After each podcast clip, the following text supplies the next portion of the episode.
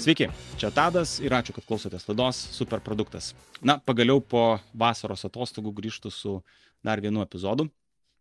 Šį kartą kiek kitokių formatų, tematinis e, bus e, tematinė serija. Kalbėsim apie UX, UX dizainą, e, naudotojų patirties dizainą, tyrimą ir panašiai. Sveikinus iš karto su Dovydu Vištartu. Sveikas, Dovydai.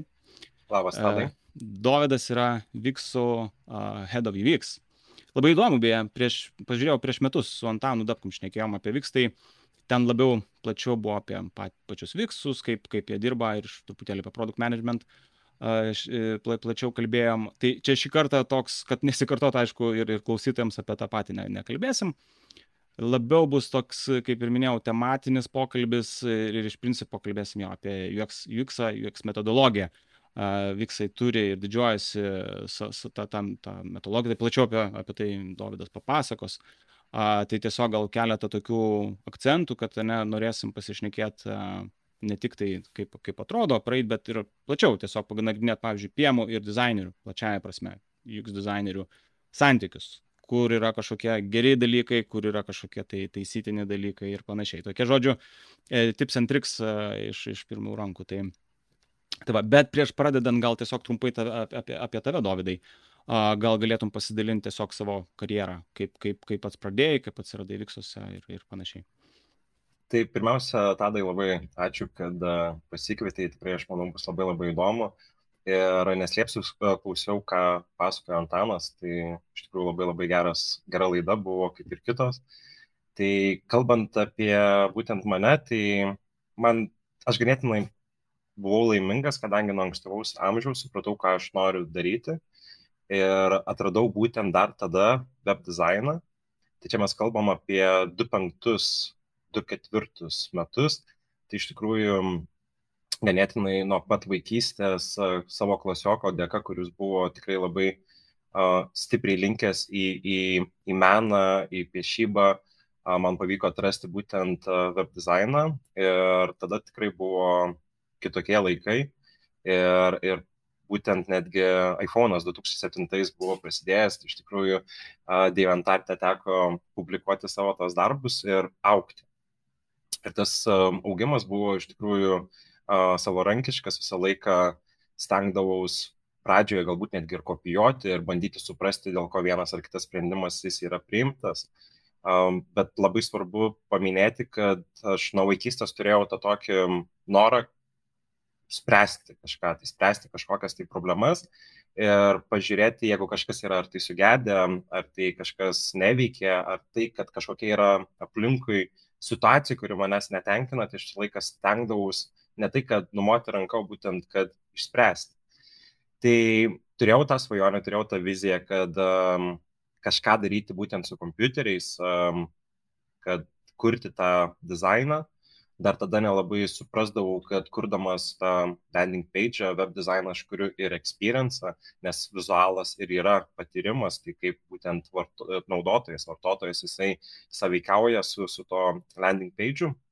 Tai aš taip tobulėdamas, tobulėdamas, um, vis gaudavau vienokį ir kitokį projektą, um, sukurti puslapį uh, klientams įvairiams bet uh, nebuvau aš tada toks stipriai, um, negaliu sakyti, kad uh, pageidaujamas, turiu menį tai, kad uh, vis tiek reikėjo ir iš kažko gyventi. Tai būtent uh, studijų metais um, um, beje studijavau socialinį darbą, kas iš tikrųjų yra visiškai nutolę nuo tai, ką darau dabar, bet aš sakau, kad šios studijos yra būtent gyvenimo universitetas, dėl to, kad ir man tai labai stipriai padeda dabartinėje rolėje, nes būtent ten yra sprendžiamas žmonių problemos. Savaime suprantama, jos yra visiškai kitokios negu tai, kas sprendžiam mes dabar, bet tai yra žmonių problemų sprendimas. Tai yra empatija, tai yra supratimas, kaip bendrauti su įvairiais žmonėm, senyvo amžiaus, rizikos grupėje, turinčios uh, negalę ir kaip tai yra svarbu, kad padėti jiems.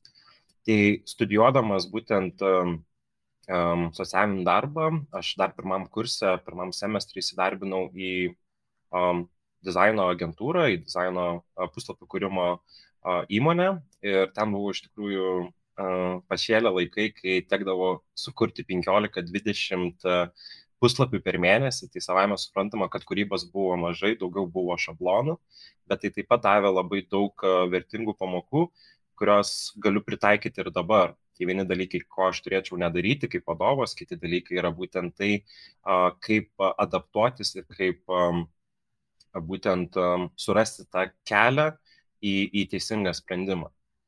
Ir pabuvus keletą metų pradėjau būtent freelancinti ir turėjau keletą labai sėkmingų produktų. Vienas toksai buvo didžiulis photoonemoment.com, tai būtent šiauliuose buvo vystomas tas produktas, tai susipažinau su labai labai geru produkt manageriu, kuris man padėjo ir suprasti dar tą gilį iš produkto ir iš biznio pusės, kad ne tik vartotojas, bet būtent ir biznis į tai reikia atkreipti dėmesį.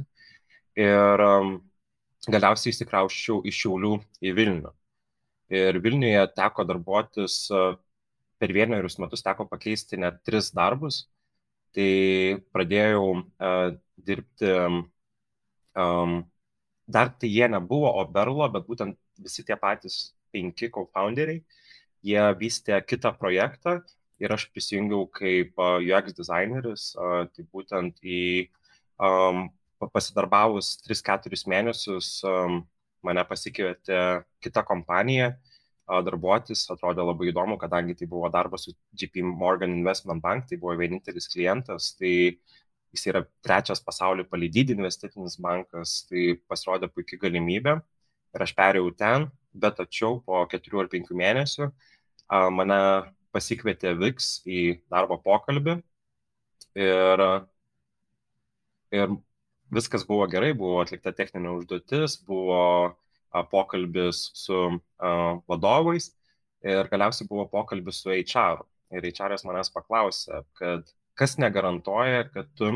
po šešių mėnesių nepaliksi mus ir išeisi kitur. Tai aš pasakiau, kad jeigu aš galėsiu daryti įtaką sprendimams, būtent tai, ką mes kūrėme, tai aš pasiliksiu ilgai. Tai dabar esu beveik septynių metų VIX kompanija. Super.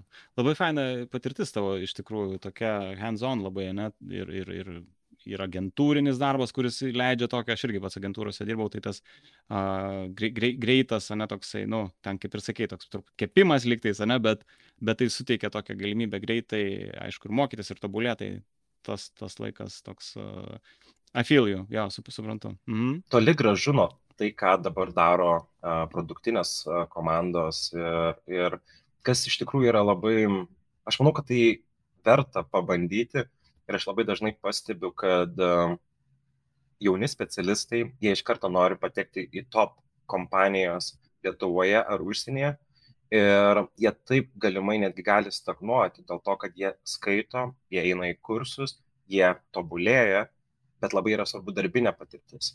Ir kartais į agentūrą yra kur kas lengviau patekti, to pasiekoje tu turėsi galimybę spręsti realias problemas, galbūt net taip įsigilinti, bet kas labai yra svarbu, kad pajusti tą virtuvę iš vidaus, o, o ne tai, kad ką žiūrėti, kas yra kursai, kaip viskas teoriškai, jo, labai labai viskas gražu, čia mes labai viską darome ir panašiai, bet realybė kartais yra kitokia, o ta praktika yra labai svarbi.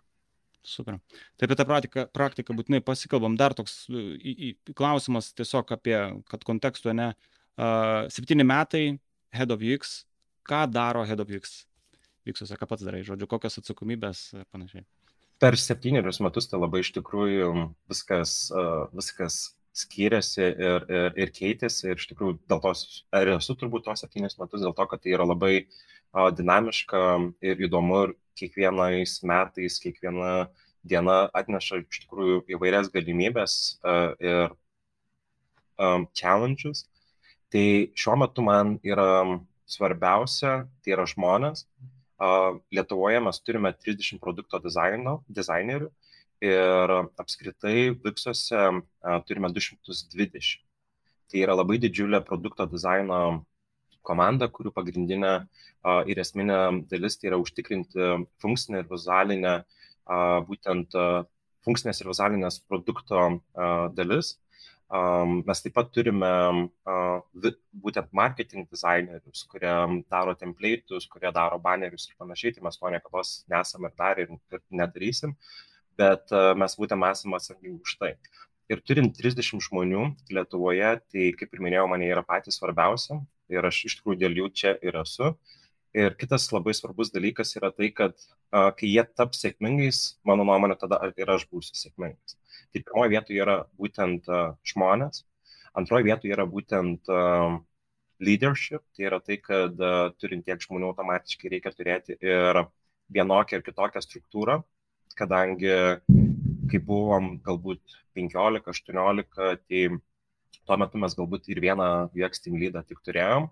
Ir labai didžiulė dalis buvo tai, kad man pačiam tekdavo labai daug skirti laiko dėmesio jiems, bet kuo daugiau žmonių, tuo labiau aš supratau, kad aš negaliu skailintis ir ta lyderystė tai yra būtent nauji UX team lydai, uh, nauji galbūt uh, manageriai. Tai sprendžiamas kitokios yra problemos ir, ir jiems reikia daug pagalbos, reikia daug ir suteikti iš tikrųjų, um, nebūtinai, kad būtent tas žodis pagalbos, bet būtent patarimo ir to paties mentorystės. Uh, kitas labai svarbus dalykas tai yra pats augimas, tai um, žmonių, dizainerių, turbūt kiekvienas nori savo darbovietėje aukti ir čia turbūt vienas ir yra esminių dalykų. Um, ir kaip tik šiuo metu um, neseniai mes sukūrėm pilotą, tai yra uh, Product Designer Career Path and Opportunities. Tai yra būtent tai, kad tai yra 17-20 puslapių dokumentas, kuriame aiškiai stengiamės parodyti um, žmonėms jų galimybės, kaip galima aukti, kokios yra karjeros galimybės tarp individual contributor ir managerio, kad nėra tik managementas, o ir būtent ir čia. Suprasti, kad nėra viskas tik į aukštį, bet yra ir į plotį, kad yra daug labai skirtingų galimų ekspertizių. Tai visą šitą dokumentą sukurti man padėjo ir būtent tie UX team lydai. Ir čia pats tas augimas, jis yra labai svarbus ir šita dalis taip pat man yra svarbi. Kitas dalykas tai ir rekrutmentas, turim tą pačią metodologiją, kurią kalbėsim vėliau, tai, tai jos būtent dalinimasis, užtikrinamas, kad žmonės turi reikiamus įrankius, gali spręsti um, problemas ir iššūkius. Ir savaime suprantama, tai yra bendravimas su kitais būtent company headais, skirtingais skirtingom disciplinų menedžeriais, kad užtikrinti tą gerą darbo ne tik kultūrą, bet būtent kaip galim sėkmingai siekti to tikslo. Čia turbūt dar labai labai svarbi ir daug dienos dalies užima tas dalykas. Okay. Okay. Nekartą minėjai company vadus, produktinės komandas. Aš tikiu, kad Antanas apie tai minėjo, bet tiesiog kas klausys, kas neklausys, bet tiesiog labai trumpai tada apie tą struktūrą, kaip organizuojamas darbas, kas yra kompanija, kas yra produktinė komanda, kokia yra sudėtis ir manau, tada galėtume jau pereiti prie tos pagrindinės dalies. Tai galiu tikrai paminėti, tai esminis dalykas, kad um, Biksai turi kiek daugiau negu 40 skirtingų produktų. Ir dažniausiai a, tas produktas yra lygų kaip ir kompanija, arba aš dar labai mėgstu sakyti, kad lygiai ir startupas.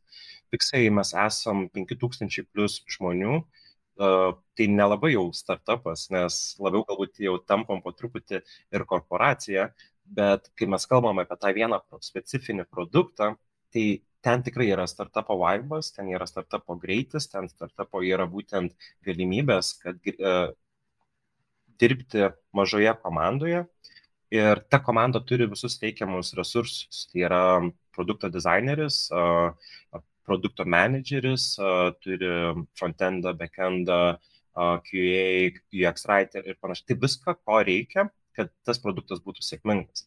Jie dažniausiai sėdi vienoje vietoje ir būtent uh, jie turi um, as much independence as, as we could. Tai reiškia, kad dependencijų tokių dalykų, kad mes tengiamės jų kuo mažiau turėti. Savai mes suprantama, kad jų yra, bet tačiau. Tai tos produktinės komandos ar tie mini startupai, tai turbūt čia ir yra varomoji gale, kuri mums padeda būtent priimti sprendimus greitai. Mm, nes čia iš tikrųjų toks atrodo receptas, ne? tai yra kompanija daug, 5000 daug yra, net ir Taip. čia globalių mastelių, ne? tai nėra maža kompanija, sakykime, ne?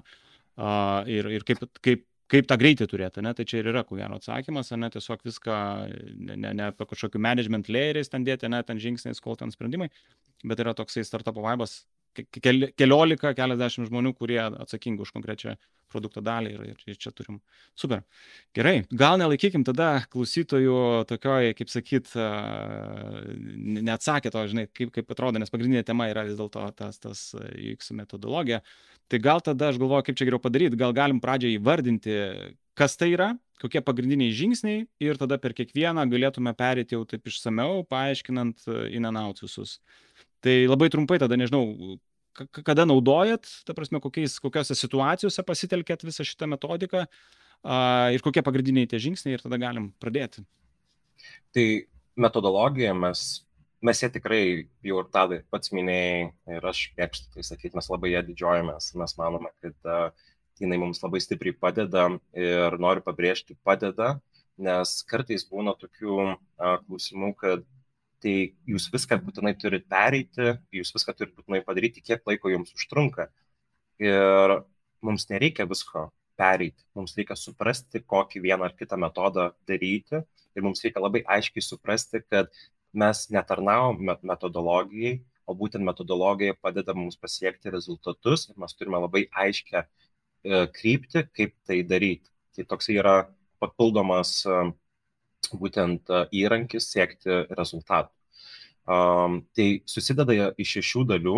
Yra pirmoji dalis, tai yra produkto analizė, tada yra produktų specifikacija, funkcinis dizainas, vizualus dizainas. Mes vadinam wrap-up, aš mėgstu sakyti, kad toksai kaip užbaigtuvės, tai yra kaip papasakosiu vėliau, bet uh, tai wrap-up stages ir būtent tai, ką darome po paleidimo, uh, tai tas post-launch, uh, būtent uh, visas, visas uh, etapas. Mhm. O kaip atrodo, kada, kada naudojatės? Ar tai yra, kai kažkoks, uh, nes darbai įvairaus pabudžio būna, ne? yra didesnės iniciatyvos, kažkokio opportunity, ne? Kad validuotumėte tas opportunities, ar bandot kažkaip praeiti pro ir mažesnius kažkokius featuresus, nu, improvementus. Tai žodžiu, kokiam, kokiam uh, kontekste yra pasitelkiama šita visa metodika, nu, tai įrankis, kaip ir sakė, ne, tai yra ne vardan metodikos mums reikia daryti ir, ir kiekvieno ten dalyko dirbant, ne, bet matyti yra vis tiek kažkoks kontekstas, kur uh, makes sense labiau yra pradėta, ne, nu, tai yra pritaikyti pilnai, nes kažkoks neapibrieštumas yra. Čia galim taip įvardinti, kad kada jūs labiau pasitelkite įrankį labai geras klausimas, nes savaime suprantama, kad kai tu pradedi naują produktą, tai yra nuo pat pradžių, per metodologiją tu tikrai eini kur kas detaliau. Negu tai, kai tau, kai tau reikia, pavyzdžiui, spręsti vieną problemą, kuri nebūtinai yra labai didelė, tai kad pereiti per viską, tai tikrai nebus, mano nuomonė, ir optimalu, nebus turbūt ir naudinga. Tai kai yra mažesnė problema, tai yra tam tikri dalykai, kurie mano nuomonė yra patys svarbiausia. Tai yra būtent uh, supratimas, kokią problemą mes sprendžiam, uh, būtent um, suprasti, ką galime iš, sužinoti iš duomenų, um, tikrai bandyti kuo daugiau um, ieškoti sprendimų, tai protestuoti, ko įmanoma anksčiau ir tada eiti link to paleidimo. Tai čia turbūt yra tie esminiai dalykai, kurie visada jie bus, um, bet kai mes kalbam apie patį produkto kūrimą nuo pat pradžių, tai tikrai jeigu ne 90, tai 85 procentai visų metodų dažniausiai ir yra būtent um, reikalingi, nes tai yra didžiulis darbas ir tam, kaip, kaip, kaip pati tas produkto analizė yra, tai kaip tu pasiklosi, tos pamatus, tai taip tavo tas namas ir, ir stovės, tai čia yra pati pati esmė. Okay. Tai užsidedam tą tokią žodžio startup hat ir žodžiu turim kažkokį tai sukurtą naują produktą, nežinau, nebūtinai gal čia pavyzdys kažkoks, ne, bet tada pirmas, sakai, stage'as, tas yra pirmas etapas uh, produkto analizė. Tai čia toks, man atrodo, piemo, piemo toks darbas lygtis, ne? Kaip čia dabar, kaip čia atrodo tada tas UX designeriai įsijungia, kaip, ar researcheriai visi, nežinau, ko, vat, kas konkrečiai dirba tada prie šito stage'o. Aš laukiu šito klausimo, kadangi mūsų kompanija, aš nesakau, kad mes vieninteliai taip darom, bet ką aš pastebiu ne tik Lietuvoje, bet ir daugelį kitų kompanijų, kad produkto analizė ir produktų specifikacija tai yra būtent tai, ką daro produkt manageriai, o visual dizainas, e, funkcinis dizainas ir visual dizainas tai jau yra UX dalis, o būtent wrap-up stage'as ir post-launcho, tai gal netgi yra inžinierių ir business analistų dalis. Tai yra tai, kad duomenys tada yra pateikiami. Ir aš tikrai noriu pačialinti būtent šitą nusistovėjusią galbūt tvarką ir aš norėčiau būtent paskatinti, kad nuo pat pradžios, nuo produkto analizės ne tik tai būtų produkt managerio dalis ir UX dalis, bet tai būtų ir būtent programuotojų. Nes tai yra labai labai svarbu, ne tik programuotojų, ir UX writerių, ir marketingo žmonių, ir business analistų, kadangi kai mes esam visi vienoj, pradedam kartu, mums yra kur kas lengviau. Mes tada jaučiame kur kas didesnį ownershipą, tai yra būtent mes kūrėme produktą, mes sprendžiame problemą, mes neimplementuojam vienokio ar kito dalyko. Mes nesam requestų būtent tenkintojai, kad kažką reikia padaryti, kažką man reikia duomenų. Ne, mes kartu nuo pat pradžių viską ir darom. Savai mes suprantama, kad didžiausia dalis tai yra produkt managerio, produkto dizainerio ir turbūt inžinierių, kadangi automatiškai mes galime pamatyti dependencijus ir, ir kitus aspektus, bet vis tiek aš visą laiką kviečiu visą komandą nuo pat pradžių. Ir kitas labai svarbus, mano nuomonė, dalykas yra, uh, tai būtent, aš manau, kad produkto menedžeris uh, turi žinoti apie produkto dizainą, jis turi suprasti apie user experience ir vice versa. Tai yra būtent, kad UX dizaineris turi žinoti, kas yra produkto managementas ir kokias yra tos dalis. Nes mes kurime produktus, o produktai yra būtent tai, kad yra experiences, yra business, yra, yra būtent researchas, yra visos tos dalis. Tai čia yra irgi svarbu paminėti. Vertės sukūrimas. Uh, ok, kokie yra, kokios veiklos yra, sakykime, mane tam, tam pirmam žingsnė produktų analizė, ką, ką įprastai atlieka komanda. Nu, konkurentai gal kažkokie, ne, yra kažkokie vat, nu, nusistatę uh, užduotis, ne, kas, kas ką konkrečiai atlieka. Tai pradedam nuo problemos, mes sprendžiam problemas, mes bandome sukurti kažkokią tai produktą, kuris spręstų problemas. Tai jeigu yra galimybės, tai yra suprasti, peržiūrėti uh, suporto iššūsius, tai yra pokalbiai su žmonėmis, su būtent uh, to target audience, kur yra, turi tą specifinę problemą, uh, ar problemas, nes mes negalime klausti žmonių, ko jie nori, bet mes galime paklausti būtent, kodėl jie to nori ir kokios tos problemos jie turi.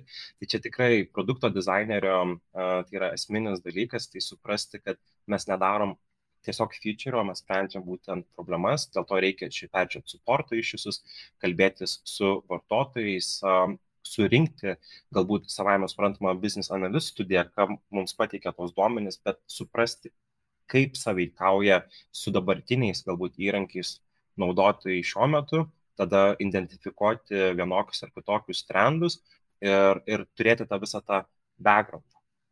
Tada būtent yra kita labai svarbi dalis, um, tai yra kompetitorių uh, analizė, researchas. Uh, Tai mes būtent Vixuose darom tai dviejais būdais. Vienas būdas yra vertikalus, tai kai mes įsirašom hipotetinį funkcionalumą, kas mūsų nuomonė gali padėti išspręsti tai problemą, tai ir tada žiūrime, kaip konkurentai, kaip jie sprendžia tai.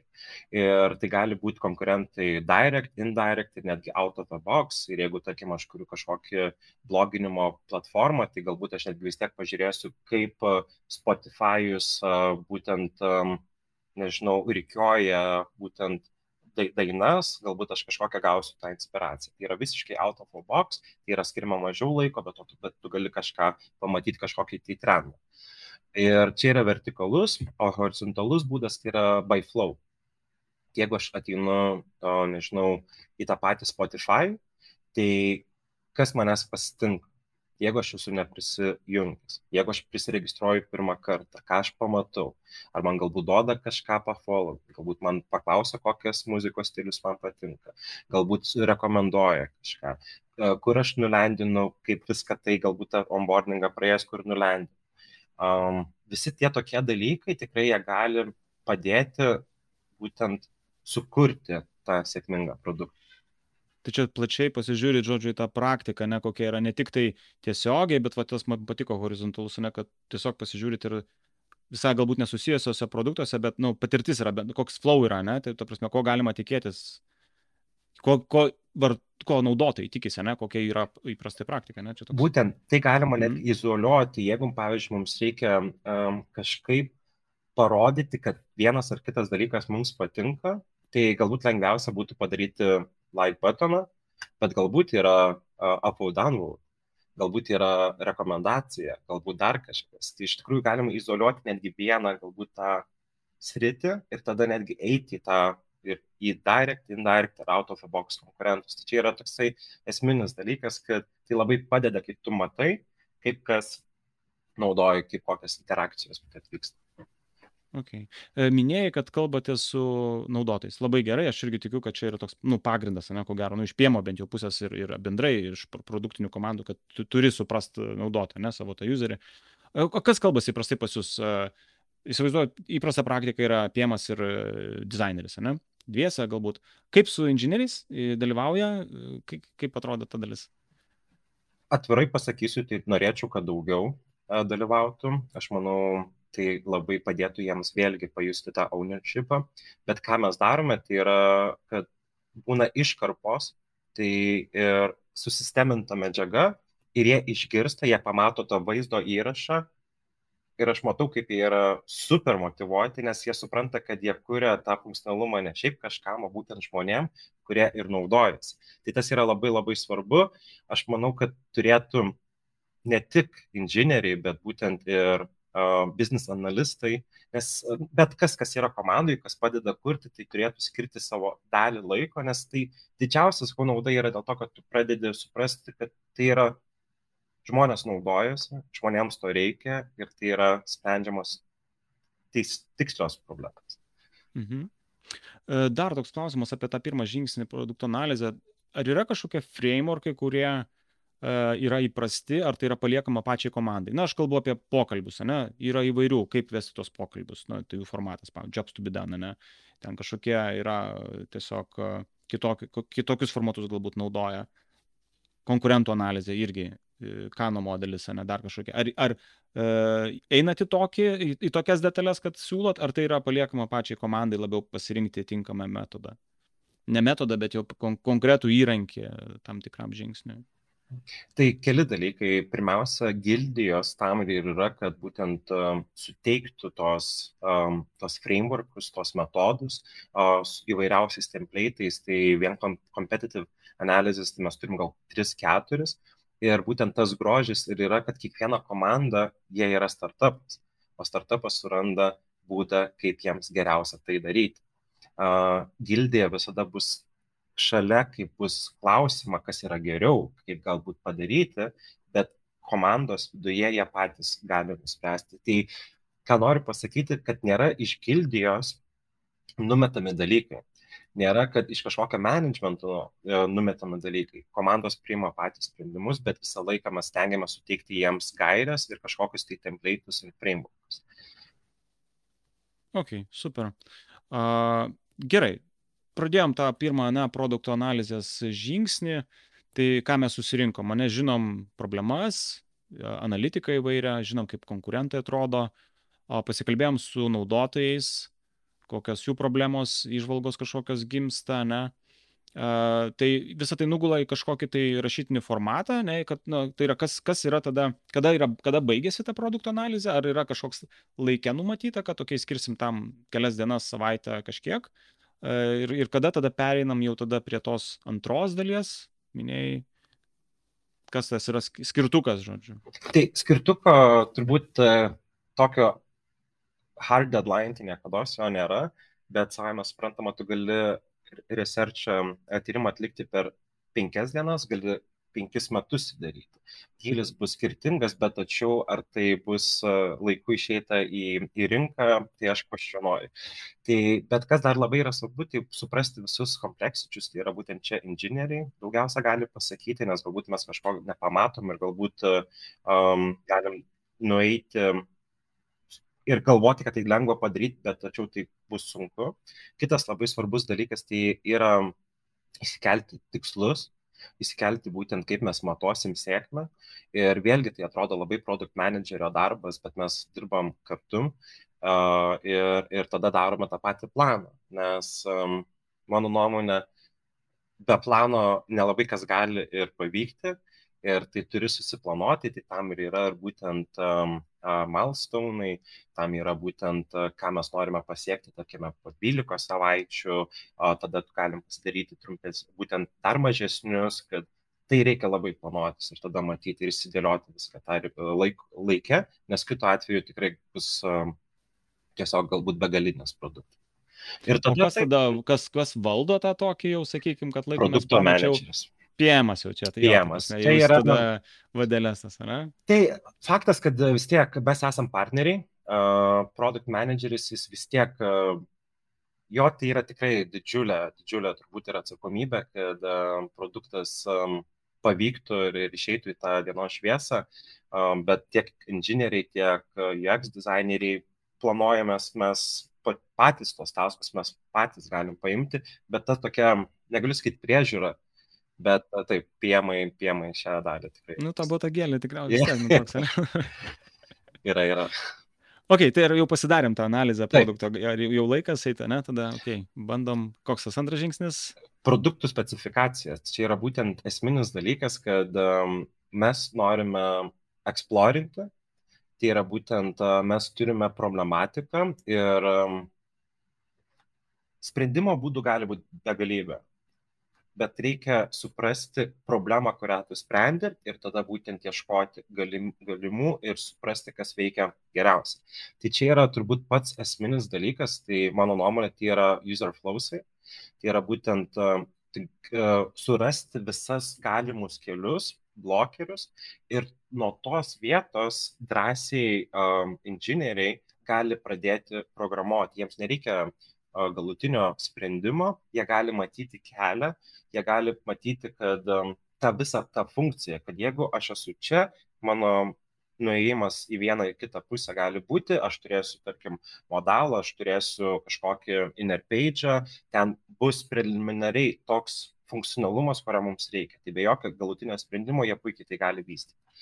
Ok, ir... šitą vietą, sorry, pertrauksiu, labai, labai įdomu, minėjai, kad jau, nu, toks liktais counterintuitive atrodo, ne, nu, sakykime, tai mums reikėtųgi perėti per visus tos žingsnius, ten susidizaininti visą funkcinį, pasitvirtinti, pasivaliduoti ir tada pradėti, ne, programuoti. Bet čia būtų, tai yra...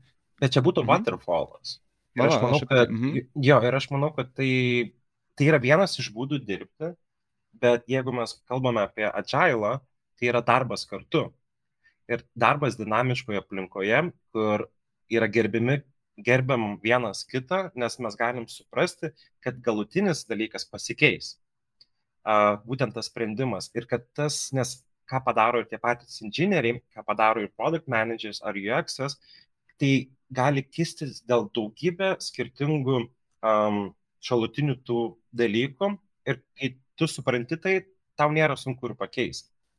Ok, tai šitame etape mes, mes nežinom to, kaip atrodys galutinis sprendimas, ne? bet jau, bet nu, čia ko gero, ką aš girdžiu, kad svarbu pradėti.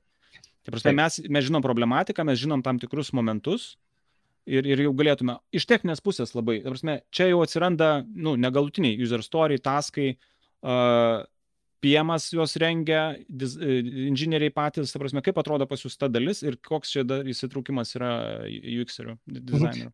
Tai visa komanda iš tikrųjų dažniausiai taip ir būna, kad yra product manageris, um, UX designeris ir engineering leadas, kurie būtent susėda ir tada bando suprasti, kaip kas turi eiti ir kaip tie taskai turi atsirasti.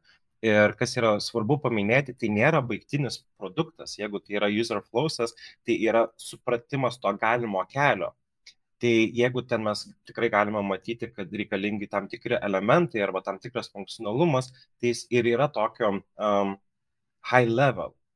Tai yra būtent kad tai nėra kad įėjimas į detalės. Savaime suprantama kad kuo daugiau vystant tai yra ir ypatingai tarkim sketchinant kas man pačiam labai patinka ir aš turiu visą laiką šalia savęs uh, notebooką, per kurį aš uh, visą laiką, visą laiką, ar tai rašaus kažką, ar tai kažką uh, braižau, lygiai tie patys susitikimai, visą laiką būna uh, duris ar langai apipaišyti, dėl to, kad taip perteikiu savo tas idėjas ir kaip tu brainstormini kartu, tai ta visas uh, flausas galbūt nesikeis, bet dalykai esantis vienam ar kitoj vietoj gali pasikisti. Tai čia irgi yra, sakau, ta visa dinamika komandoje, kai jinai yra gera, jie supranta, kad dalykai gali keistis, kisti ir viskas yra gerai. Okay. Tai tas, žodžiu, antras etapas labai panašiai iš, iš kalbų iš tos bendradarbiavimo pusės visi dirba iš principo, ne? Ta prasme, galutinių spekų dar kaip ir nėra, bet jau mes galim pradėti dirbti, nes įsivaizduojam tam tikrus, gal kaip flausų, sakykime, ne kažkoks principas bendras kelionė userio ten nesikeis, ne? Žodžiu, darbas vyksta, vis, visi įsitraukia, ne? Taip, čia yra tikrai siekėmybė. Um, kartais tikrai būna, kad uh, UX ar su PM yra kur kas toliau bet būtent to pasakoje galbūt dinksta arba mažėja įsitraukimas į patį produktą. Nes tada tu atlieki, kas yra nuspręsta. Bet jeigu tu kartu um, strateguoji ir žiūri, kad pačia reikia būtent inžinieriai, jie turi labai labai gerą loginį mąstymą ir būtų gaila jų neįsileisti į produktų specifikacijas, į tai, kas yra ieškoma dar sprendimų, nes tu prarandi tiek daug proto. Kai tu įsileidi, kai kartu diskutuoji, to pasiekoje tu gali priimti ir galbūt kartais pragmatiškesnius sprendimus, ir galbūt kartais geresnius sprendimus, ir galbūt kartais lengvesnius sprendimus. Tai kartu tas darbas, tiek iš jų tas proof of concept kūrimas, tiek ir iš mūsų, iš diskusijų ir ieškojimo tų būdų, tai, tai yra labai labai didžiulė sėkmybė ir tikrai stengiamės tai daryti. Jo, čia iš praktikos, ta prasme, yra auksas, kai, nu, būna, pasitaiko, ne, kai tu su dizaineriu vienaip sugalvoji ir paskui programuotojai tiesiog sako, bet taigi palauk, yra paprastesnis būdas, čia žiūrėk, mes iš techninės pusės ir taip, okei, okay, nu gal ir ten ne, tikrai nepagalvojom kažko. Uh, tai, dabar čia tas visas trijo, tas visas vadinamas spėjimai, na, inžinieriai ir, ir, ir dizaineriai uh, tokį uždeda optimalų sprendimą gauna tam, tam tikrai situacijai. Tai čia kiek dalykas, mano supratimu, yra, uh, norint sukurti kažkokį tinkamą sprendimą. Uh, ok, Antras etapas, čia mes jau final dizainą turim ar ne dar? Ne, ne. Mes, dar ne, mes, ok. Ne, nes čia mes, tiesiog bendrai, ne? Jo, ką mes padarėm, tai mes padarėm realiai labai labai daug prasketčinom, tai būtent prapraežėm ir tikrinomės idėjas. Mes darom būtent, einame dažnu atveju low fidelity wireframes, tai kur pereinam iš popieriaus galbūt į balzamikių ar tą patį figčiam ar tai figma, kuriame mes, um, tas low fidelity wireframe tai yra for basic understanding, tai yra tai, kad mes galėtume aiškiau vizualiai matyti dalykus ir ten jau atsigula ir būtent pats kontentas ir tą kontentą rašom tiek PM, tiek UX, mes turime UX writerius, bet um, jiems perdodam truputėlį vėliau Idealiu atveju jie jau ir patys būna mumis konsultuoja, bet uh, tas low fidelity wireframes tai labai dažnai ir būna, kad tai gali padaryti produkto manageris arba tai gali padaryti UX dizaineris. Ir dažnai galbūt kyla tokių dalykų, kad, okei, okay, tai PM sako, kaip daryti, kaip spręsti problemą, tai ne, nes mes stengiamės um, kolaboruoti ir jeigu produkt manageris daro, tai jis gauna feedback iš UX. UX kaip daro, tai gauna feedback iš PM, tai tas gražus ne tai, kad pateikimas, o čia aš atlikau, bet būtent ta kolaboracija, kad kalbėkime, žiūrėkime ir taisykim. Tai čia taip labai labai gražiai irgi pasimato bendravimas, kas ką turi daryti. Nėra ribos. Minėjai, validuojat. Kaip, kaip validuojat tuos pirminius sketchus low, low fidelity? Jo, tai low fidelity, apskritai, jeigu kalbant apie validaciją, tai pats geriausias dalykas, mano nuomonė, yra Gorilla Usability Testing. Tai trumpos sesijos um, iki 10-20 minučių uh, ir nebūtina turėti tos grinai target audience, tai yra apskritai, kad pamatyti tos, tos dalykus, ką mes jau esant viduje ir, ir būtent jau dešimtą mėnesį dirbant jau nebematome, tai kad kiti tai pamatytų ir pasakytų ir mes tai greit galėtume pataisyti.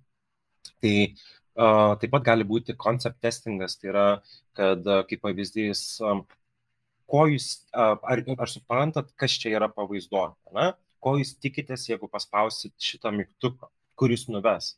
Visi tokie dalykai, tai jie nereikalauja visiškai daug laiko, jie nereikalauja daug pasiruošimo ir jie labai yra efektyvūs.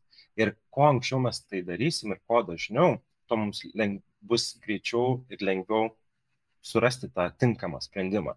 Ir žmonės, kurie būtent testuoja tos mūsų sprendimus, tai, tai gali būti skirtingų kompanijų, tai yra būtent Wix darbuotojai, bet tie, kurie nedirba su mūsų produktų žmonės. Tai gali būti administracija. Tai gali būti, kad turime baristą ir ta pati barista irgi gali ateiti ir, ir pasakyti savo tą. Tai gali būti, sakau, įvairius, įvairius žmonės. Tai ko, ko anksčiau, to geriau. Tai čia, žodžiu, kuo greičiau duoti tą feedbacką, nebūtinai iš end userių, ne, kaip, kaip suprantu, nes galbūt tai yra truputėlį ilgesnis procesas, ne, susirinkti ten targetą, bet tiesiog tokius jau visiškai, kaip ir sakai, gorila, tai reikštų, kad pastebėti tą gorilą kambaryje, ne, kai tu ten mėnesį žiūri, tai čia tas filmukas buvo, ne, čia apie tai tikriausiai, ne, kad, tai, o tai niekas nematė tos gorilas, nes jau mėnesį ten žiūri ir, supratau, tai čia tas toksai, okei, okay, tai čia mes pasidarėm tą tokį uh, initial sketchus uh, ir, ir tada kas, toliau kaip, kaip tai atrodo, einam jau pasivalidavom, ištaisim galbūt klaidas kažkokias, ne? Taip, ir tada mes einam į funkcinį dizainą, tai kaip mes jau darome high fidelity wireframes ir iš tikrųjų mes turime dizaino sistemas ir dabar labai persipina funkcinis dizainas su vizualiu dizainu, būtent trečia su ketvirtu uh, žingsniu. Tai kadangi turint dizaino sistemas, anksčiau kaip mes darydavom, tai visą laiką high fidelity wireframes darydavom pixel perfect, bet būtent grayscale. Ką tai reiškia? Tai reiškia, kad be spalvų. Grayscale irgi spalva yra, nu, būtent atspalviai, bet taip, bet kad dėl ko? Dėl to, kad mes labai norim suprasti, ar teisingai funkcija veikia.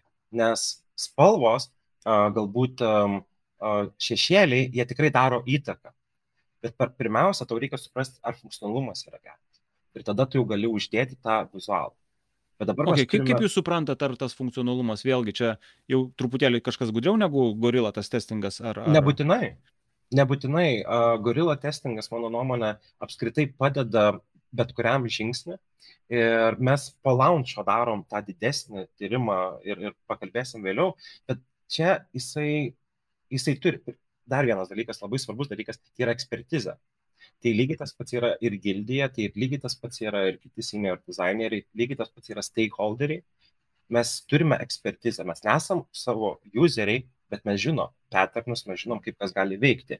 Ir kitas dalykas yra būtent tas testavimas, jisai vis tiek, tai yra žmonės, kurie galimai naudoja vien panašius produktus. Tai Jo. Tai so, tas high fidelity wireframe, tai jau darome pas mus yra iš tikrųjų dažniausiai su dizaino sistemom, nebent tai yra absoliučiai visiškai kažkoks naujas dalykas, kuris ne, nėra sistemoje, kuriom, kuriam neturim dizaino sistemos, bet dažniausiai jau viskas taip eina. Ir ten taip pat darome, jau turi tą high fidelity, tai ta prasideda tie patys prototipai. Kai ten, kaip pavyzdys, ne, low fidelity wireframe'uose, tai tu gali netgi paper uh, test, prototipą turėti. Tai yra tai, kad tu konceptą turi, tu gali paklausinėti, kaip tau kas sekasi, o čia funkciniam dizaino prototipas, jis gali būti clickable, jis gali būti animuotas, jis gali būti netgi suprogramuotas, nes mes turim savo disciplinoj ir atskirą tokią um, por, ne porušę, bet draugą, tai yra UX prototiperiai. Tai iš tikrųjų yra front-end um, inžinieriai, kurie uh, HTML, CSS ir Basic JavaScript pagalba jie imituoja visą Vixų environmentą, tie aplinką ir iš tikrųjų netgi atrodo, kad čia yra tikras paleistas jau produktas ir žmonės jau interaktyviai. Ir tai gali tada irgi, sakau, gali būti gorilla usability testingas, tai gali būti, nežinau, valandos sesija um, internetu su vartotojais, kad jie paspaudinėtų ir pamatytų ir mes galėtume gauti vienokias ar kitokias išvalgas, bet tai nebus tas didysis galbūt testavimas, kuriame 20 žmonių ten, galbūt čia bus 4-5 žmonės ir mes galėsim pamatyti, ko dar iki to nepamatė. Ok, kaip, kaip tik norėjau klausyti šitą dalį, kiek, kiek tų, žodžiu, ieškot uh, žmonių atsakymų, ne, tai kiek reikėtų apklausti. Tai šitame etape tokius e, jau akį badančius, taip trumpai tariant, ne, žodžiu, peer review tokio stiliaus, ne, kad išsigaudom uh, jau tokius labiausiai neaiškias, neaiškias vietas, sakykime, ne, kažkokia kelionė, interakcija kažkokia neaiški, neaišku, kad tas mygtukas daro. Uh, tai čia tas persidengia per tą trečią ir ketvirtą, ne? nes tas trečias Taip. Yra funkcinis, ketvirtas žingsnis yra vizualus dizainas, bet kaip ir minėjai, dizaino sistemos, čia gal naudotam reikėtų irgi pa, pa, paaiškinti, ne, kad tai yra sistema elementų, kuriuo nereikia nuo nulio kodinti iš principo, bet tai yra gatava uh, biblioteka, kurias tiesiog pakanka, elementų biblioteka, kurią pakanka perpanaudoti, ne, tai tas visas darbas, implementacija tampa žymiai greitesnė ir vienodesnė tikriausiai, gal tas, na, nu, kaip sakyt, produktas uh, vienodas tampa, ne. Uh, toks trumpas tikriausiai būtinis apibūdinimas galėtų būti. Taip, tai būtent dizaino sistemos pagerina velocity ir, ir consistency. Tai būtent, kad greitis tai yra, kad nereikia perdarinėti, o kitas dalykas yra, kad tai yra tikrai nuoseklus um, produktas. Ok, tai čia toksai jau, jau gimsta, ta prasme, mes jau prasivalidavom vidui, nedideliam kol kas, ne tokiam kiekie žmonių. Ar dar yra kas, ką svarbu pasakyti apie trečią ir ketvirtą, jie tokie man panašus e, etapą, ne, nu, skiriasi gal tas uh, detalumas, taip sakykim. Bet čia toksai, ar teisingai suprantu, čia yra darbas e, dizainerio ir piemo, piemas tikriausiai, kiek čia piemas dalyvauja šitam, ar čia taip savarankiškai dizaineriai daro tokį, va, tas apklausas, ar, ar, ar čia kažkaip kartu, nes, pavyzdžiui, čia, čia inžinierių liktai šitame, šituose žingsniuose, e, nu, feedbackas, nebent kažkoks grįžtamasis ryšys, ne, ateina. Kaip, kaip čia tos sąveikos komandoje atrodo? Inžinieriai stengiamasi, kad jie visą laiką dalyvautų, bet būtent jie galbūt yra patiriamoji dalis, jie toliau galbūt vysto ir lipdo tą mūsų produktą, kurį mes padarėm, nes vis tiek tai yra galbūt didžiulis produktas ir mes vis tiek dirbam dalimis ir, ir, ir jie gali toliau keliauti ir, ir darbuotis. Um, produkt, funkcinės dizainas, vizualus dizainas tikrai tai yra lydinamas produkto dizainerių produkto menedžeris, jis yra tas galbūt patariamasis, tai yra, ne, tai yra partneris, kuris padeda suprasti ir tobulinti dalykus.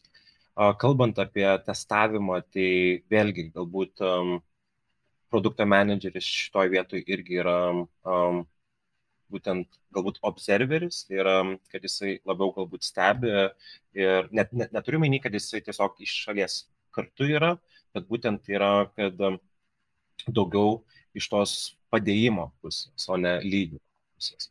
Ir dar labai yra svarbu paminėti, kad kaip e, tas testavimas jis nėra tik tais su aplinko žmonėm. Tikrai, kaip ir minėjau, kad tai gali būti ir 4-5 žmonės ir iš išorės, tai yra būtent tie target žmonės, bet labai svarbu yra paminėti, kad tai neturi už, užtrukti labai ilgai. Aš esu pastebėjęs, aš nesakau, kad tai yra blogai, bet ar tai yra optimalu, tai yra klausimas, kai mes sustojom ir mėnesį laiko darom testavimą. Ir tada aš kvestionuoju, ar tie penki ar dešimt žmonės žino geriausiai, ar vertų to, kad jeigu mes padarytume AB testą, kur pamatys 30 tūkstančių, mes turėsime didesnį apimtį ir mes galėsime pamatyti, ką jie daro. Tada susisiekti su tai žmonėmis ir tada būtent pasakyti, kodėl jūs tai daro. Tai čia tas irgi yra visais atvejais labai svarbu um, tam ko anksčiau būtent paleisti į realią aplinką. Nes jeigu tu turi tadai nuomonę, aš turiu nuomonę, tai yra tik dvi nuomonės. Ir mes, mes, mes turime labai stipriai tai suprasti ir mes turime tiesiog pasirinkti vieną, be jokio ego, eiti toliau ir būtent um, pamatyti tai, kaip tai gali vis, būtent elgtis realioje aplinkoje. Tai va čia labai, man atrodo, gerą komentarą pasakė, ne, kad tas šito etapo rezultatas yra ne, nerasti tą idealų kažkokį tai variantą, ne, bet tiesiog, tai aš tai pavadinčiau good enough, nežinau, ar tai yra geras žodis, bet tai iš principo mes uh, prasivaliduojam tą žodžių, tą dramblį kambarį, pastebim mane, kas yra ne ok, išsitaisom ir tada atsiranda tas jau paleidimas, prie ko tikriausiai prieisim, tas, ne, tas sekantys žingsniai, bet jau tada irgi, čia ką reikia pasakyti, tas deploymentas nėra, kad full scale, ne, visiems useriam mes tada, tą, tą keywordą pasakė AB testingas, mes kažkokiam poolui tik tai userių paleidžiam ir jau pagal tą mes galim atsifiltruoti tuos naudotojus, kurie naudojasi tą funkciją ir, ir tada gauti, ne, tokia labiau kiekybiška tikriausia, ne, informacija. Tai yra, ok, bet čia užbėgom gal truputėlį į akių, bet manau, kad buvo svarbu paminėti apie tą kontekstą, kad čia nėra tikslas susirinkti daug feedbacko, ne, ta prasme, daug grįžtamo ryšio, praeiti ir ten mėnesį daryti tyrimą, kaip čia tas mano prototipas, ar čia taip ar naip. Čia toksai labiau paruošiamasis, kur tikslas vis dėlto yra kuo greičiau šipinti, ne, kuo greičiau gauti iš tikrųjų userių tą feedbacką, o tą reikia padaryti, nu vėl tada judesi turėtų, ne greitai. Tai keli dalykai, uh, noriu irgi akcentuoti, ne, kad ne visiškai kuo greičiau, nes būtent tas ir yra, kad mes galime labai greitai ir nereikia nei vienos tada galbūt to etapo, bet reikia tas kuo greičiau jis yra. Tas ir yra, kad ne tai, kad greitai, greitai, bet va tas kuo greičiau, nu, nes nu, mes, sakau, mes visi turim savo nuomonės ir mes galim labai labai daug ką diskutuoti. Bet mes turime priimti sprendimus ir judėti toliau. Ir mes turime būtent tie visi dalykai, ką aš mėgstu sakyti, jie yra kaip sluoksniai. Aš padarau uh, būtent um, susipažįstu, nesusipažįstu, bet uh, bandau pažinti vartotojus, jų problemas, tada darau user flowsą, tada sketchinu, tada low fidelity, tada uh, high fidelity, visual designą ir aš einu į tą gilį ir tai yra labai svarbu, nes tai nėra, kad va pasimiau tą ir iš karto uh, paleidau. Ir taip, galbūt tai irgi veiktų, aš nežinau, bet būtent mūsų metodologija suteikia tą galimybę vėl ir vėl ir vėl gilintis į tą patį dalyką, tik skirtingų um, fidelity, skirtingų nežinau. Pradžiai konceptas, ne, taip, ta prasme, taip. vis prideda, ta prasme, konceptas, tada detalumo, prototipas, jau kažkokios interakcijos, ta prasme, bet, e, ta prasme, okei. Okay. Jo, čia tas žodis tinkamas optimalus tikriausiai, ne, tai nereikia per greitai daryti, nes tada aš įsivaizduoju ir ten ir, ir komanda jausis, ne, kažkaip tai, tai kažkaip dabar pušina tas produkt manageris, ne, čia, tipo, greičiau, greičiau, greičiau, nu, tai yra kažkoks laikas optimalus, ne, ta prasme, ne per daug, ne per mažai, bet tiesiog. Uh, Ir man labai patiko, kaip tadai paminėjai apie optimalus dizainas, nes labai sutinku su tam, nes nėra gero dizaino, nėra teisingos e, dizaino, nėra teisingo sprendimo. Nes nėra, yra, mes siekiam visą laiką optimalesnį. Nes jeigu mes skirsim daugiau laiko, mes galimai dar geresnį sprendimą. Bet tą optimalų mes visą laiką e, stengiamės pasiekti. Ir kalbant toliau apie funkcinę plus vizualų dizainą, tai mes visą laiką um, būtent uh, viską darom visų life cycle flow, su būtent nedarom tik ten happy flow, nedarom ten visą laiką stengiamės nepamiršti jokių successų ar error message'ų, tai vėlgi visi tie dalykai yra labai svarbus, nes tai leidžia pamatyti tą visumą. Ir jeigu aš asmeniškai man, ne, manau, kad happy flowsas jis yra reikalingas tik galbūt main stakeholderiams parodyti, nes jie galimai laiko neturi įeiti visas detalės, bet visiems dizaineriams aš sakau, kad mes turime nuo first time experience pradėti. Nes happy flowsas ir yra happy. Tai yra tai, kad mes jį patogų pamatyti, jį patogų parodyti, jis yra sėkmingas. Bet first time experiences yra kitų tikrai, okei, okay, jeigu aš esu šitoj vietoj, ką aš matysiu okei, okay, tai kaip man tas sukūrimas, kaip man veiks, nežinau, pridėjimas vieno ar kito dalyko, kas po to.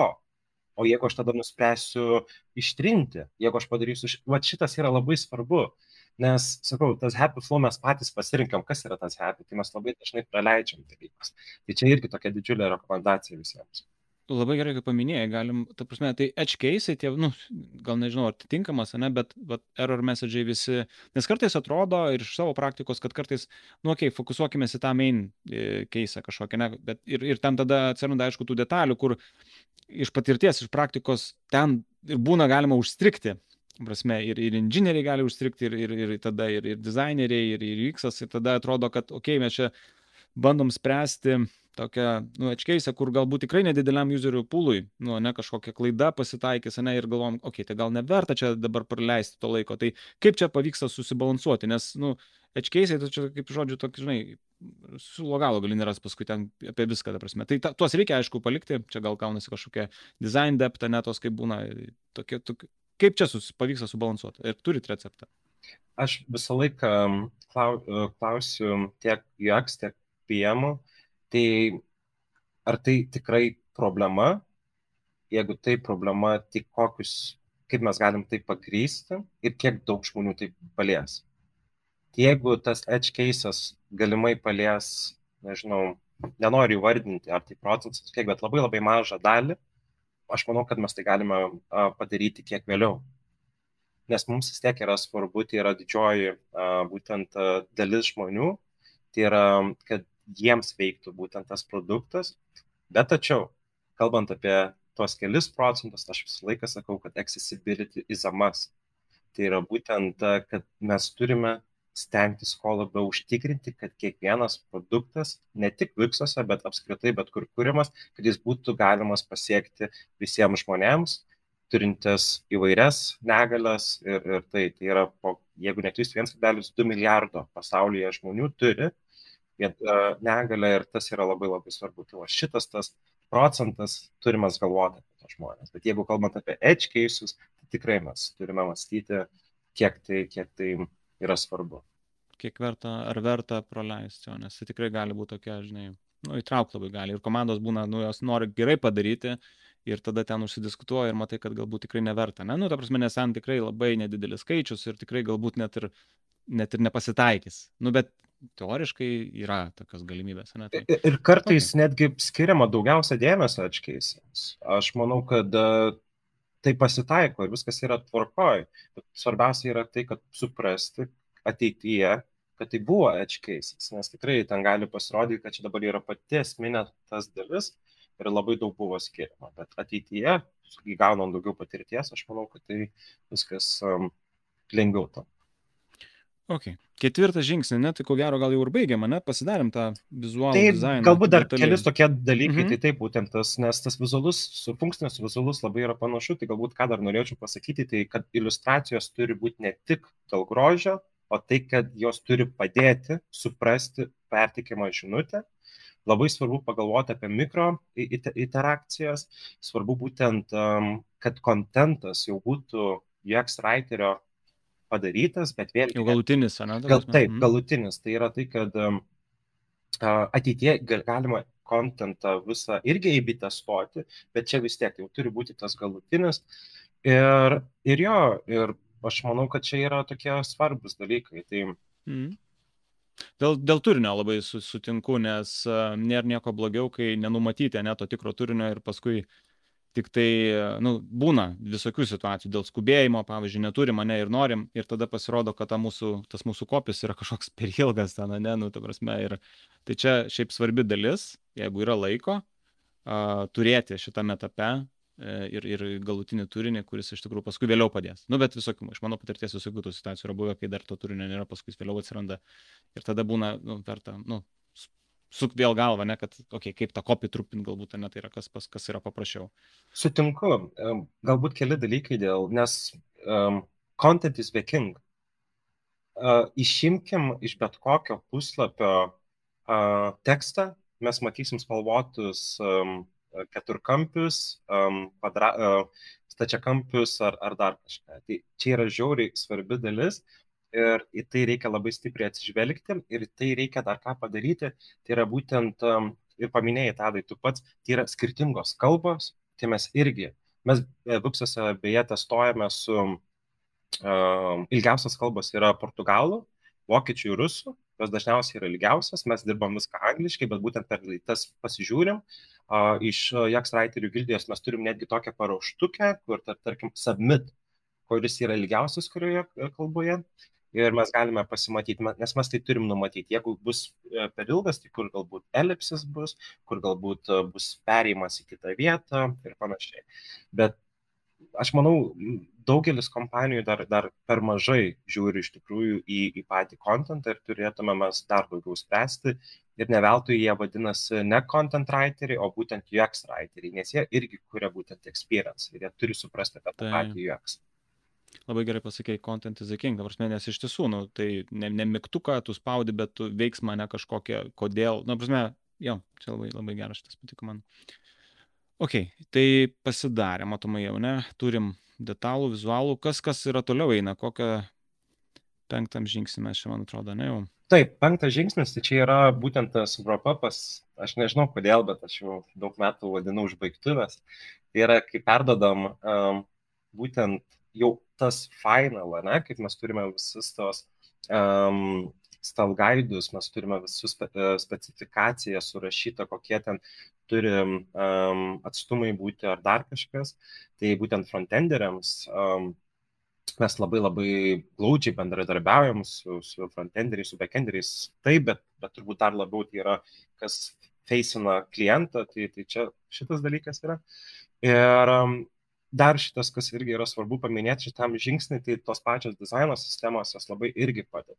Nes jau kadangi tu turi visą tą komponentą, tau nebereikia rašyti, kad uh, mūsų gridas yra 4 pikselių, mes uh, būtent tarpai yra 24 pikseliai ir panašiai. Tu tiesiog gali pateikti tą patį specifikaciją, tu netgi tam pačiam storybook'e, būtent ten, kur visai yra dokumentacija, tu gali paėmęs kodo snippetus pats sudėlioti būtent tą visą maketą ir perduoti tą kodą inžinieriui. Tai šitas irgi yra labai labai svarbus. Tai tas trečias, ketvirtas, penktas, aš manau, kad jie kuo toliau, tuo labiau dizaino sistemų pagalba jie susilieja ir labai stipriai ir padeda. Galbūt iš to užbaigimo tai yra, nes vėlgi, kaip ir minėjau, viskas vyksta pa, kartu paraleliai, tai mes darome ir QA.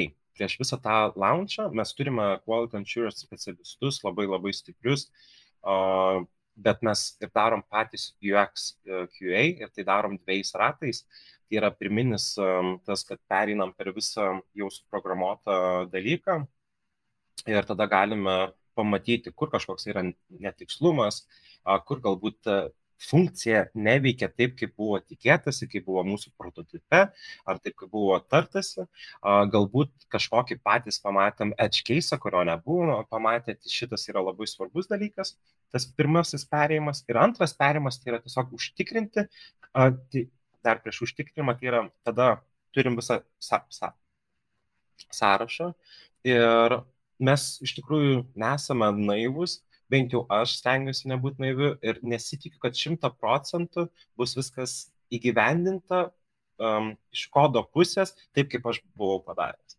Aš noriu, kad tai būtų, bet tačiau realybė yra kitokia, kad galbūt kažkas kažkur nugriuvo ar dar kažkas. Tai susėdame su QA, susėdam su PM, susėdam su inžinieringu ir tada galime kalbėtis, okei, okay, tai koks yra kritika, koks yra prioritetas, kiek laiko galim išimti ir tada galim susidėlioti ir, ir ištaisyti tos dalykus. Kiti galbūt bus ištaisyti ateityje. Tai jo, ir tada kas vyksta po dviejų tų raundų, mes, mes, mes deployinam, mes uh, džiaugiamės, uh, visi turi tą kultūrą, kuri tikrai uh, norim uh, paminėti, o būtent tą, tą paleidimą, tai yra tai, kad tikrai visa komanda sunkiai dirba ir, ir, ir um, kad tai būtų reikšminga, nes tai yra vienas etapas, kuris buvo įveiktas, tai tas yra labai smagu. Um, ir pereinam į post-launchą. Ok, dar truputėlį apie patį deploy, tą, čia kad paminėta, ne, buvom užsiminę trumpai apie tą AB testingo dalį, tai čia mes deployinam, vėlgi pasikartosime, ne visiems useriam kažkokiam tai subsetui, ne kažkokiam tai kiekiui, ten, nežinau, 10 procentų mažiau. Turit kažkokią nusistatę ten Būtent praktika. dažniausiai yra 10 procentų anglakalbėms vartotojams, anglakalbėms naujiems vartotojams. Tai va būtent taip. Tai čia tas yra, tai yra tikrai absoliučiai viskas. Pas mus yra, um, negaliu absoliutinti, tai gal ne absoliučiai. Tai, bet dauguma dalykų yra būtent taip testuojami ir mes to labai tikime ir, ir, ir tai mums parodo labai labai daug um, esminių, esminių išvalgų. Tai čia, jo. Ok, tai žodžiu pasileidom, ne, nedideliam kiekiui, naujiems useriams, anglakalbėms. Ir aš įsivaizduoju, ten vėlgi tikriausiai nuo funkcijos kažkoks priklauso, bet kažkada tai grįžtat, vadinasi, ne, pasižiūrėti, tai, nu, rezultatų naudoja, nenaudoja, ta prasme, kaip atrodo tas post-launchas tada, kas, kas per, per veiklos, kas jas, kas jas daro. Jo, tai Business analistai tai seka nuolatos, tai didžiausias turbūt bendravimas yra tarp tada PM analistų ir, ir, ir UX, tai kad mes norime aiškiai matyti, kokią įtaką tai daro, nes Pixai turi daugiau negu 250 ar 220 milijonų vartotojų, tie 10 procentų iš tikrųjų net ir naujų vartotojų pas mūsų daug ateina, tai iš tikrųjų yra nemažai, tai reiškia, tai efektina daug, daug, daug um, būtent žmonių.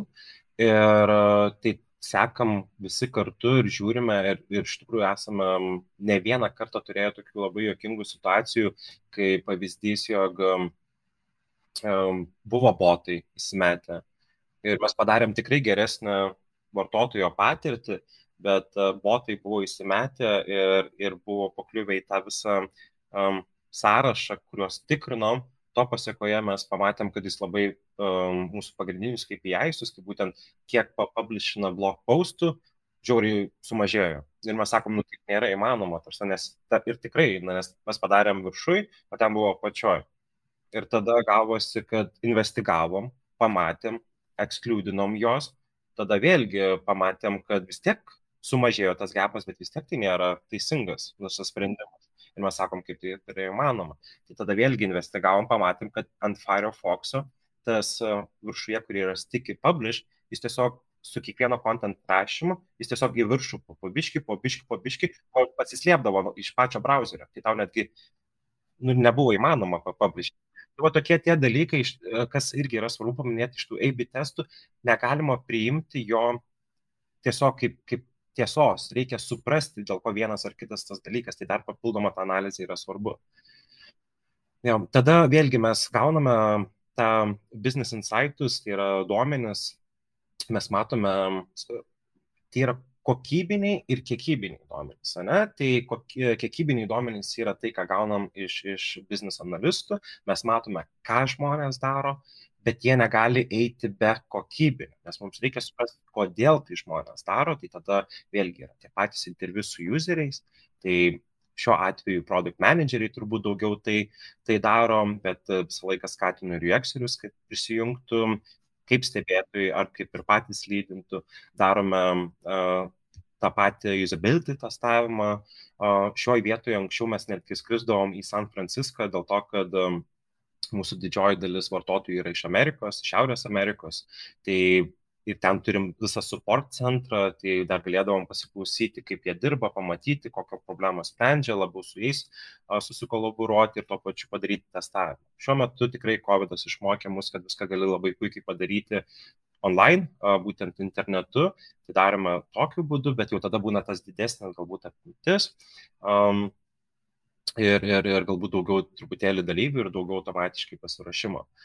Um, tai naudojam full story, anksčiau naudojam Glassbox ir, ir Hotjar, tai full story tiesiog, kad mes galėtume matyti, kaip žmonės naudojasi mūsų produktu, kur jie spaudžia, kokias problemas yra. Tai savotiškas irgi testavimas, tai irgi matomas gitmapas ir vėlgi tai yra kiekybinis e, labiau turinys, nes tu negali paklausti, kodėl tu čia paspaudai, kodėl tu čia, ko tu čia tikėjai. Um, kaip pačioj pradžioje produkto analizai, taip ir čia tai yra būtent supporto tiketai. Tas vėlgi yra svarbu, aš nežinau kaip kitos kompanijos, bet mes Vixuose padarom, galbūt ne kartais vienokį ar kitą sprendimą, kuris yra taisytinas, tai to paskui atsiranda nauji supporto tiketai, tai juos tada peržiūrim, juos grupuojam, juos prioritizuojam ir iš to gimsta būtent um, naujos turbūt tos problemos ir tada mes grįžtam atgal atgal, tada atlikti pirmą tą žingsnį. Taip, tai yra tas visas procesas apskritai, jis, jis yra užburtas ratas, tai ir jis niekada, niekada nenutrūksta. Tiesiog galbūt keičiasi problemos, kurias mes sprendžiam, keičiasi būtent dalykai, kuriuos mes naudojam. Čia kaip dabar mes apkalbėjom, tai mes apkalbėjom nuo pačio produkto pradžios, nuo pačio kūrimo, kuriame tikrai mes labai daug stengiamės įsigilinti. Po to, nesakau, kad mažiau gilinamės, bet mes problema dažniausiai būna kur kas mažesnė. Tai jeigu, tarkim, vartotojas negali, mm, dabar kaip tik uh, prisiminiau, kaip tik šiandien diskutavome su viena komanda, tai yra tai, kad um, žmonės um, skundžiasi, jog, jog gauna daug notification. Ir kad jiems tai nėra uh, būtent uh, reikalinga. Tai iš karto, pavyzdžiui, čia yra problema, kurią, aišku, reikėtų geriau uh, defaininti, būtent aprašyti, bet tačiau sprendimo būdas labai yra paprastas. Leiskim, suteikim galimybę um, enable, disable, įjungti, išjungti notificationus įvairiais būdais, nes mes nežinom, kas jiems yra svarbu, mes galime sužinoti, bet vėl, čia vienas tas yra būdas. Bet kitas būdas galbūt yra pagalvoti, kurioje vietoje mes išgauname tą problemą mums galbūt pirmiausia reikia pažiūrėti, ar apskritai ateina, nes yra tas funkcionalumas jau dabar įjungti, išjungti notifications, bet galbūt žmonės nedaina iki šito. Tada mums reikia eiti atgal, okei, okay, o tik kur tada jie nedaina, ką mes darom, mes duodam push notification arba mes duodam ten email notification. Tai jie randa email notification settings? Ir jeigu jie to neranda, ir galbūt čia labai mažas fiksas yra ir gali išsolinti tą. Tiesiog tas problema atradus, tas sprendimas gali būti labai labai įvairus. Mums yra svarbu ateiti į tą vietą ir, ir, ir ieškoti to galbūt pragmatiško sprendimo, galbūt būtent arčiausio sprendimo, galbūt kartais tas mažesnis sprendimas, jis gali padėti tam pačiam vartotojui ir, ir kitur galbūt tos problemos net nebūtų. Jo, čia pati smagiausia patirtis būna, kai atrodo nemažas dalykas, bet kažkoks, na, užtenka ten labai nedaug iš tiesų ir, ir tada, o, šiek tiek susolina iš tikrųjų. Ir, Dar ir, galbūt ir, ir... tokį pavyzdį, ką iš tikrųjų prisiminiau, tai vienas uh, kolega, jisai sako, susidūriau su labai sunkia problema, nežinau, kiek užtruksiu um, būtent kol, kol atrasiu sprendimą, nes atrodo labai didžiulė. Ir sakau, neskubėk, sakau, pagalvok. Tai jis tikrai jis dvi dienas galvojo ir jisai suprato, kad sprendimas jau egzistuoja ir tiesiog jį reikia įgalinti. Vietoj to, kad jis būtų perėjęs per visą tą metodologiją, per visus tos būdus, per visą tą galvojimą, jis ne, ne taip, kad sėdėjo atsisėdęs, bet jisai tikrai ieškojo, bandė suprasti tą problemą ir tiesiog netikėtai jisai pamatė, kad toksai right click protectionas, jis egzistuoja ir mes galime jį tiesiog įgalinti. Ir jau viskas būtų gerai. Tiesiog tokie įdomus, įdomus yra dalykai. Ja, tai gal ne iš pirmo žvilgsnio akivaizdu, bet paskui tai. Super, mes jau nemažai laiko kalbam, praėjom pro, visą, pro visus žingsnius, nuo analizės, specifikacijų, funkcinio vizualaus dizaino, užbaigtuvių, kaip sakė, net vadinasi. Ir, ir, ir tada tas, tas post-launchas, kurį jau iš principo irgi pasimatuojam ir tada jau priklausomai nuo, nuo rezultatų, tai galim tikriausiai deployinti didesniam kiekiu userių arba grįžti, pasitaisyti ir, ir, ir vėl bandyti. Ok, e, super, man, man patiko pakankamai detaliai. Aišku, po tuo, ko gero, dar daugiau tų detalių yra, suprantama, ten ir, ir ne kiekviena gal organizacija tą galėtų pasidaryti iš karto, nes, na, čia yra infrastruktūros, tiesiog reikia plačiaja prasme, ne, kad ir tą IP testą pasileisti, padeployinti ir taip toliau. Tai čia nuo, nuo, nuo, nuo organizacijų brandos priklauso paprastai. Nekartą minėjai, jau į pabaigą vedant ne, mūsų pokalbį, tai dar tokią vieną temą norėčiau apie tobulinamasi gildijas gal truputėlį taip irgi labai, e, na, padetalizuota, ne, tai yra, kaip jos veikia, kiek laiko skiria tam tobulinimuisi, ar tai yra toks labai griežtas procesas, ar tai, na, žodžiu, kaip, kaip atrodo tas gildijų darbas ir, ir, ir veikla. Praktiškai kiekviena disciplina turi savo gildiją ir gildija yra tarsi klyjei, kurie suvienyje būtent visos ryties profesionalus kompanijai, būtent Viksose. Tai yra tai, kad uh, mes turime 30 produkto dizainerių ir mes turim 14 skirtingų produktų. Tai reiškia, jie visi yra įsimėtę per savo komandas. Ir mes turime vieną dieną e, kas dvi savaitės, kuriame visi susirenkam ir mes tobulėjam. Tobulėjam įvairiais būdais, tai yra workshopai, tai yra būtent kvestiniai svečiai, tai yra būtent kažkokie tai užsiemimai, kuriuos galime dirbti mažose komandose, pranešimai ir panašiai. Tai, tai čia yra toksai turbūt esminis dalykas, kad gildijos darbas yra suteikti tas profesinės gairias, tai kaip ir minėjom anksčiau, tai yra būtent visokiausi įrankiai, visokiausi templatai ir, už, ir padėti užtikrinti um, būtent produkto kokybę. Tai yra tai, kad jeigu kalbam apie dizaino reviewsus, apie feedbacko sesijas, savaime suprantama, kiekviena komanda turi ir, ir turi priimti sprendimus patys. Mes esame iš gildijos pusės labiau kaip konsultantai, mes būtent stengiamės suteikti dar vieną nuomonę, bet tikrai niekada stengiamės, niekada nestabdom ir, ir, ir būtent kiekvienas komandai priima sprendimą patys. Ok, super. Tai žodžiu, ar yra tokių situacijų, kai ateina iš skirtingų disciplinų? Nu, ta prasme, aš supratau, gildija tai yra nu, dizainerių gildija, ne, piemų gildija.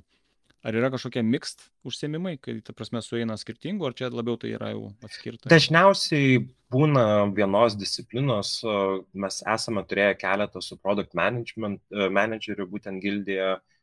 Aš manau, kad tai yra nuostabi idėja, tada, aš manau, mes tai tikrai dažniau turėtume daryti, daugiau pasikviesti galbūt svečių, nes e, vėlgi mes produkt designeriai, mano nuomonė, mes esam būtent produkto viduryje ir mes turime suprasti daugiau apie product management, apie business, apie business insights, kažkiek būtent apie engineeringą, apie marketingą ir tikrai dėkingas už idėją.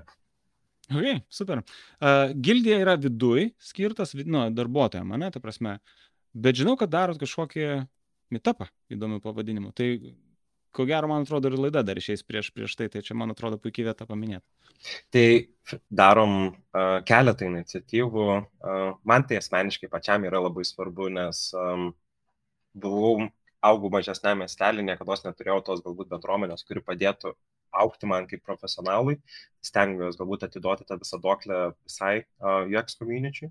Tai darome fresh meetupus jau 28, tai būtent bus rugsėjo 22 dieną. Um, ir kaip ir minėjau, 28 jau turėjom, dauguma iš jų yra Lietuvoje, um, būtent apie 20, bet esam turėję ir, ir Kijeve, ir Dnipro, ir, ir Tel Avive.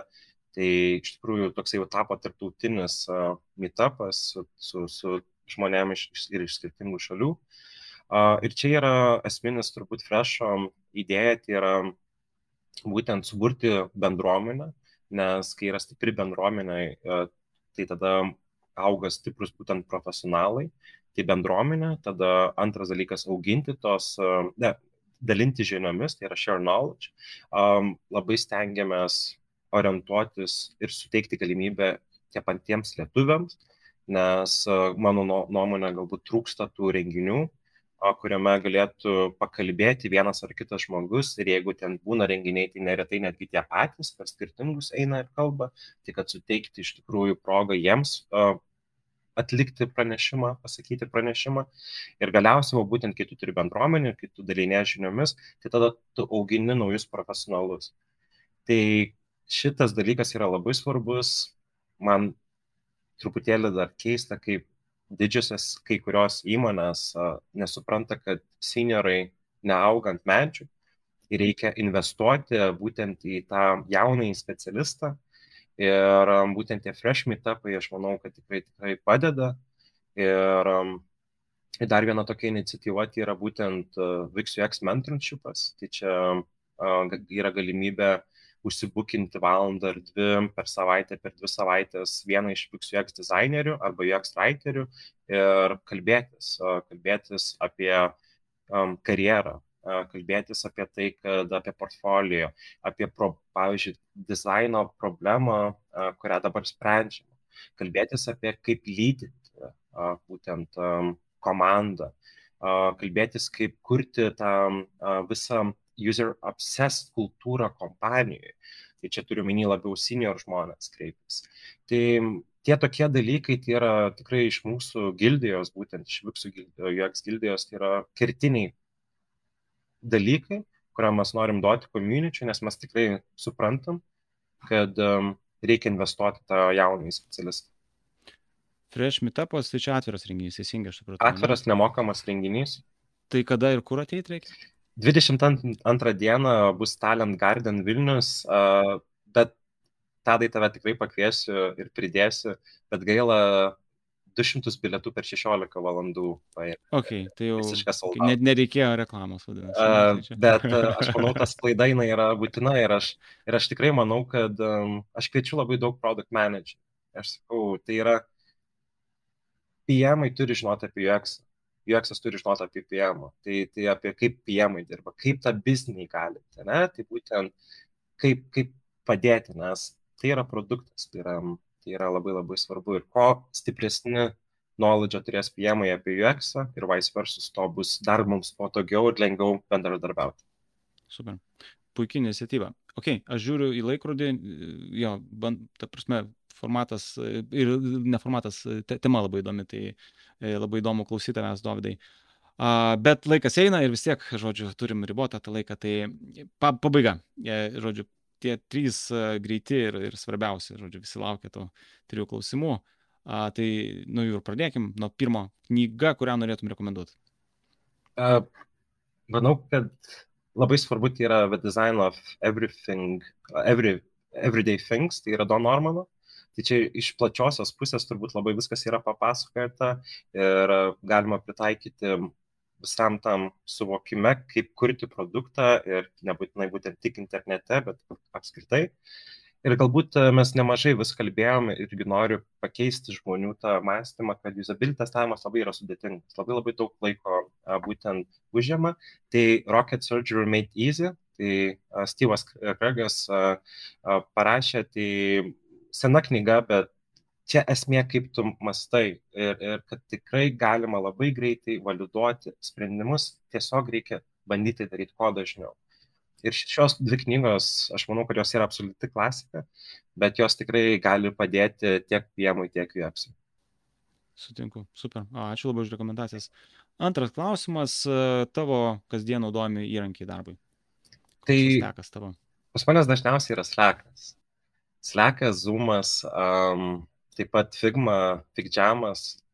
Um, Gmailą iš tikrųjų labai mažai naudoju, aš manau, kad jis netgi nueinantis dalykas yra tikrai Slackas arba WhatsAppas, tai yra būtent tie įrankiai, kur galima lengviausiai mane irgi netgi pasiekti.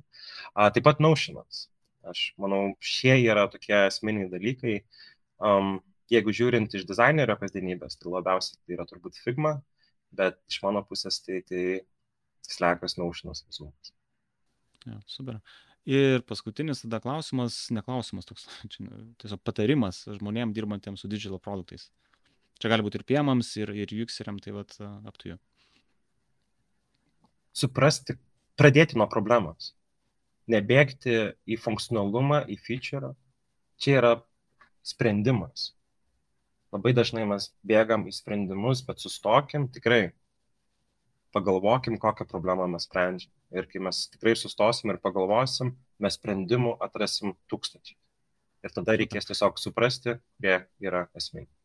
Čia ky dalykas, ko gero, ne, ir ta pirmas žingsnis jūsų tos metodologijos, nu, bendrai yra, ne, ta prasme, tai analizė, supratimas ir, ir kad dirbtume prie tinkamų dalykų.